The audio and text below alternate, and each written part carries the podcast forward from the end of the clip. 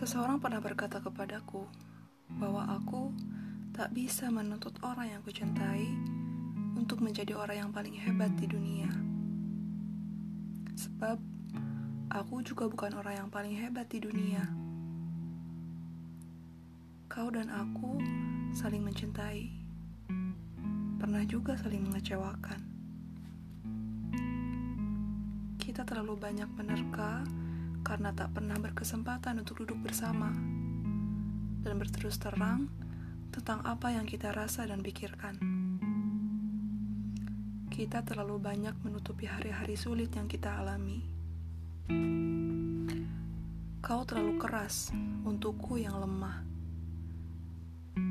Kau selalu ingin menang untukku yang keras kepala. Dan kau terlalu cepat menyimpulkan, sedang aku tak pernah berani terbuka. Aku mendapatimu berada di dalam samudera nun jauh, dan aku tak memiliki keberanian untuk menyelaminya. Tapi, kata ibu, kita sangatlah mirip: hidung, mata, telapak tangan dan sebagian perangai. Kau adalah aku, dan aku adalah kau. Maka dari itu, membencimu terasa seperti membenci diriku sendiri. Aku tak mungkin sanggup melakukannya. Belum lagi, aku telah diuntungkan oleh kasih sayangmu yang berlebihan. Dengan segala kekurangan yang kumiliki, bagimu Aku tetaplah sesuatu yang tak boleh tergores cacat sedikit pun. Aku harus selalu jadi yang utama untuk perlindunganmu, cinta, dan seluruh bagian terbaik dari dirimu. Dalam hubungan kita yang kian hari kian canggung, aku selalu percaya bahwa di sana, jauh di lubuk hatimu, ada lumbung kasih sayang yang tak pernah habis yang menyerap banyak waktu untuk mengasuh keluhku, meraba setiap iba, dan merawat dengan doa. Lumbung itu setiap hari dikeluarkan, namun tak pernah berkurang. Seringkali gadis kecil menangis karena perutnya tak lagi cukup menanggung beban. Ia kenyang. Ia menegaskan kalau dirinya bukan anak-anak lagi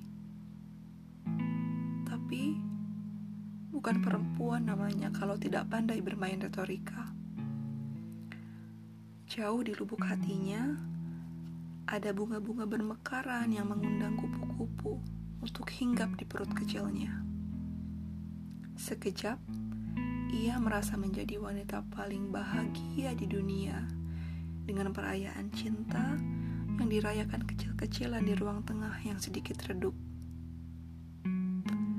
Dalam hatinya ada sedikit penyesalan, sebab ia telah terhenti dari menjadi gadis kecil yang berlari ke arah pemilik lumbung dengan rindu. Ia bertanya-tanya, apakah peluk yang dulu menjadi tempat teraman masih terasa meneduhkan? Ah, kini aku telah dewasa, ayah. Aku telah tumbuh dengan baik melalui telapak tanganmu. Tahukah kau, ayah? Setiap kali melihat pandanganmu melangit ke angkasa, rindu rasanya menjejalmu dengan banyak pertanyaan seperti dulu. Kenapa awan berwarna putih? Jenis burung apa yang tengah melewati kepala kita saat ini? Langitnya cerah berwarna biru kan ya? Dan ribuan pertanyaan sama setiap harinya. Sekarang, aku bisa mencari semua detail jawaban itu dari ribuan artikel di internet. Tapi, aku masih belum bisa menemukan jawaban untuk pertanyaan-pertanyaanku yang lain. Apa yang ayah rasakan ketika pertama kali melihatku lahir ke dunia? Apa ayah pernah takut? Apakah aku telah membuat ayah sangat kesulitan? Aku tak bisa menjawabnya sendiri dan tak kuasa menanyakannya. Maafkan aku, Ayah, karena telah menjadi sebebal ini. Aku harap kau masih mau bersabar. Kau masih mau berbesar hati, sebab aku jarang bicara dan lebih banyak menangis. Kapan pun aku merasa terlalu cinta, terlalu bahagia, terlalu berduka, terlalu rindu, haru, atau bahkan mati rasa seperti yang kulakukan di balik punggungmu ketika kita banyak menghabiskan waktu di perjalanan. Dalam langit yang redup hingga terangnya, hujan hingga teriknya, saat lapang atau sulit, saat sehat atau dipaksa sehat, aku tak bisa menahan air mataku setiap kali berjanji untuk menjadi sekuat dirimu yang bertaruh dan merelakan diri hingga titik nadir untuk orang-orang yang kau cintai.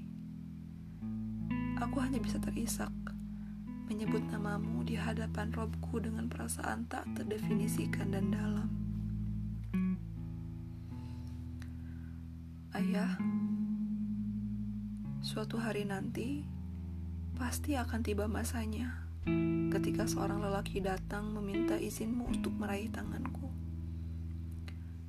Kapan pun waktu itu tiba, ayah harus bersiap melepasku ya. Tugas ayah menjagaku haruslah henti. Ayah perlu rehat dan mulai mencintai diri ayah dengan baik. Ketika ayah menjabat tangan seorang lelaki dalam akad nanti, berjanjilah kepadaku untuk tidak menangis. Sebab cinta ayah telah tertunai dengan paripurna untukku. Beruntung telah dicintai lelaki hebat sepertimu. Tolong rangkul aku di dalam relung terdalam dadamu sebagai harapan untuk bertemu dengan Allah Ta'ala di dalam surganya. Sebab aku pantas bersaksi untuk semua peluh dan penatmu. Ku harap di sana aku dapat berlari dengan penuh rindu kepadamu, seperti aku kecil dulu. Ayah,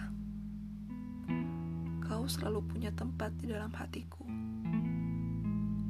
Jangan khawatir ya, sebab kau adalah lelaki pertama dalam hidupku yang kucintai pertama kali.